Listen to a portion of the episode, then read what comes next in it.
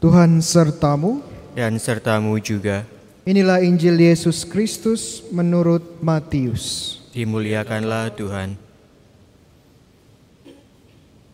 Sekali peristiwa berkatalah Yesus, Aku bersyukur kepadamu ya Tuhan, Tuhan langit dan bumi, sebab misteri kerajaan engkau sembunyikan bagi orang bijak dan orang pandai, tetapi engkau menyatakan kepada orang kecil.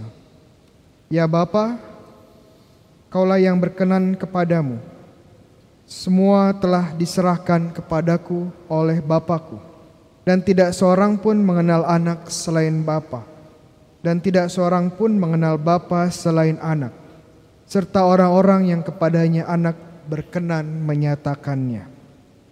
Marilah kepadaku, kamu semua yang letih lesu dan berbeban berat. Aku akan memberikan kelegaan kepadamu. Pikulah kuk yang kupasang dan belajarlah padaku, sebab aku ini lemah lembut dan rendah hati. Maka hatimu akan mendapatkan ketenangan, sebab engkaulah kuk, sebab enaklah kuk yang kupasang dan ringanlah bebanku. Demikianlah Injil Tuhan. Terpujilah Kristus. Saudara-saudara yang terkasih dalam Kristus, kalau kita perhatikan bacaan bacaan Injil beberapa minggu terakhir, kita akan menemukan sebuah hubungan yang menarik, ya, hubungan relasi yang menarik di antara bacaan-bacaan ini. Dua minggu sebelumnya dan minggu sebelumnya, kita mendengar Yesus memberikan sebuah persyaratan, beberapa persyaratan untuk mengikuti Dia. Dan persyaratan-persyaratan ini tidak mudah. Bahkan terbilang sulit sekali untuk mengikuti Yesus. Itu tidak mudah dan bahkan sulit sekali. Jika teman-teman masih ingat syaratnya apa saja? Ada banyak ya syaratnya. Pertama, kita yang mau ikut Yesus harus ikut ke mana pun Yesus pergi.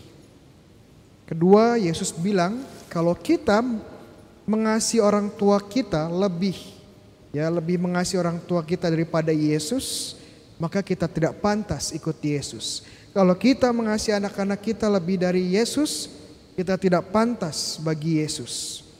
Mungkin bagi teman-teman yang lagi pacaran, mesra-mesranya pacaran, kalau pacar kalian lebih dikasihi daripada Yesus, kalian tidak pantas ikut Yesus. Ya. Jadi harus berani bilang sama cowoknya, sayang, aku cinta Yesus lebih daripada kamu. Berani nggak seperti itu buat Yesus? Jadi bersyukurlah yang masih single ya, yang masih single tidak kesulitan bilang I love you Jesus ya. Aku mengasihi engkau Jesus. Ya frater-frater di sini masih single, jadi pasti bilangnya I love you Jesus dengan penuh ya. Dengan penuh.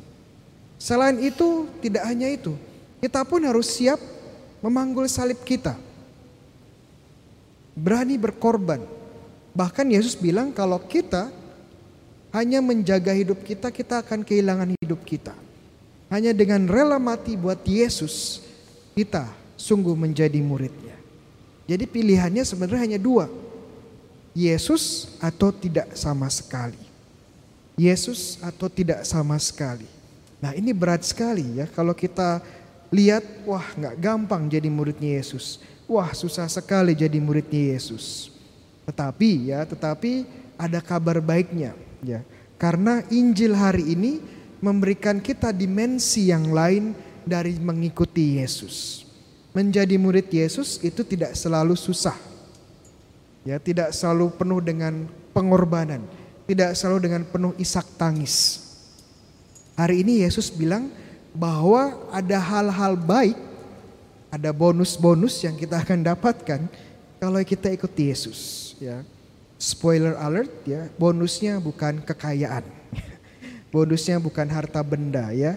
Apa yang dijanjikan Yesus kepada kita kalau kita ingin ikut Yesus ya Uh, pertama kita lihat dulu bahwa Injil hari ini membuka kita pada sisi lain dari Yesus. Kalau bab sebelumnya bab 10 ya kita sekarang di bab 11 Matius itu Yesus yang tegas. Yesus yang teguh pada penderi, uh, pendiriannya. Kalau ikut aku, semua harus ditinggalkan. Semua uh, kamu harus mengasihi aku lebih dari yang lain atau tidak sama sekali. Nah, ini sangat teguh, sangat tegas. Tetapi hari ini kita mendengarkan Yesus yang menunjukkan sisi yang lainnya. Sisi lainnya seperti apa? Seperti yang lemah lembut dan juga rendah hati. Jadi bagaimana Yesus tidak hanya tegas, tidak hanya tegar, tidak hanya teguh dalam pendirian tetapi juga kita lihat sisi yang lain di sehari ini. Sisi yang lemah lembut dan juga penuh kasih dan lem, uh, rendah hati, ya rendah hati. Dan bagi kita yang mengikuti Yesus, apa yang dijanjikan Yesus adalah kita akan menerima kelegaan. Kelegaan. Kalau kita lihat teks Yunani yang digunakan lebih tepatnya bukan kelegaan tapi istirahat ya. Istirahat, kita mendapatkan istirahat atau kelegaan. Tetapi perlu diingat, Yesus bilang datanglah kepadaku yang letih lesu dan beban berat, aku beri kelegaan. Tapi kemudian Yesus bilang apa? Pikulah kuk yang kuberikan. Bagi Yesus, istirahat atau kelegaan itu bukan kemalasan. Yesus tidak pernah bilang lemparlah kukmu, lemparlah tanggung jawabmu, lemparlah pelayanan-pelayananmu. Ya, itu tidak pernah dikatakan Yesus. Tapi kita harus membawa kuknya Yesus. Oke, mungkin banyak teman-teman di sini ya generasi muda, generasi milenial yang sudah yang tinggal di kota, kebanyakan tinggal di kota mungkin bertanya-tanya, Romo kuk itu apa? Muncul kata kuk ya. Kata kukuk adalah semacam alat yang dipakai di pundak atau di punggung hewan, tapi kadang-kadang dipakai manusia juga untuk untuk apa? Untuk menarik beban atau untuk membawa beban. Ini biasanya di di desa-desa ya digunakan untuk membajak sawah. Jadi kuknya membawa bajak ya. Jadi ada sapi atau kerbau mereka yang membawa beban ya. Tetapi tidak hanya kadang-kadang tidak hanya hewan tapi manusia juga membawa beban dengan kuk ya. Ini yang kuk bisa dicek di Google bagi teman-teman yang ada Google sekarang bentuk kuk itu seperti apa ya. Jadi intinya kuk menjadi simbol tanggung jawab menjadi simbol misi kita dalam hidup. Dan Yesus tidak pernah berkata buanglah kukmu lemparlah kukmu tidak jadi bagi Yesus kita tidak bisa ya meninggalkan semuanya untuk ikut Yesus. Jadi jangan pernah bilang Romo setelah mendengar ini saya akan meninggalkan semua tanggung jawab saya. Saya hanya mau berdoa 24 jam. Waduh.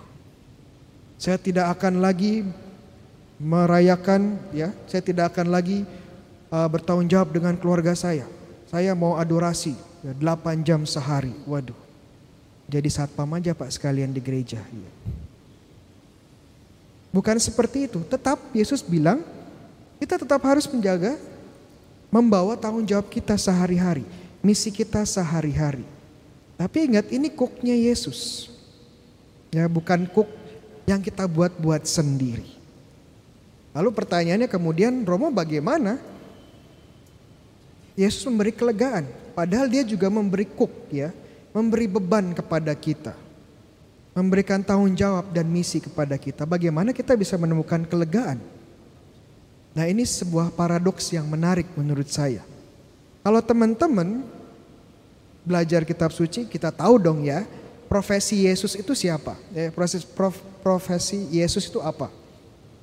Brother-brother apa? Dia adalah tukang tukang kayu luar biasa ya, tukang kayu ya. Kenapa tukang kayu? Karena bapaknya adalah tukang kayu juga. Santo Yosef adalah tukang kayu juga. Dan Yesus mengerti ya, dan tahu persis apa yang dibutuhkan oleh tukang kayu agar hasil pekerjaannya baik. Pertama tentunya kerja keras, kedua adalah presisi, ya, presisi. Kalau buat pintu ukurannya tidak tepat, pintunya nggak bisa nutup. Makanya presisi ketepatan itu sangat penting. Begitu juga Yesus tahu untuk membuat kuk ya yang ditaruh di pundak atau di punggung harus tepat juga ukurannya dengan punggung binatang tersebut atau punggung orang yang akan memakainya. Kenapa kalau tidak tepat akan tidak nyaman, buka tidak nyaman dan kemudian malah tambah berat dan bahkan bisa melukai, mencederai yang memakainya. Tetapi kalau kuknya pas dengan pundak, ya dengan punggungnya menggunakan, niscaya hasilnya nyaman dan bahkan beban pun berkurang, tidak terasa beban, tidak terasa beban karena ukurannya pas. Nah makanya Yesus bilang ambillah ya pinggulah ya kuk yang kuberikan. Kenapa? Karena kuk yang kuberikan itu pas buat kamu. Ya ini beban, ini tanggung jawab, ini misi hidup. Tapi kalau kamu panggul kuk yang berikan ini cocok buat kamu, ini pas buat kamu. Jadi kamu tidak akan merasakan beban berlebihan. Bahkan kamu merasakan hidup yang nyaman, ya, kuk yang nyaman. Ini satu hal. Kemudian hal kedua yang menurut saya penting juga saya bawa di sini adalah zamannya Yesus itu ada beberapa jenis kuk, ya, ada beberapa jenis kuk dan ada satu jenis kuk, ya, yang yang bisa dibawa oleh dua binatang. Dua binatang. Jadi kuknya satu, tapi buat dua binatang, ya, diping dibawa oleh dua binatang. Dan saya percaya bahwa kuk semacam inilah yang ditawarkan Yesus kepada kita. Jadi intinya apa Romo? Intinya saat kita membawa kuk Yesus kita nggak sendirian. Yesus bersama kita. Yesus ikut memanggul kuk yang kita berikan, yang Yesus berikan. Sehingga ya along the way dalam perjalanan hidup saat kita merasa lelah, berbeban berat, kita bisa beristirahat Kenapa? Karena sekarang Yesuslah yang melanjutkan untuk membawa beban kita.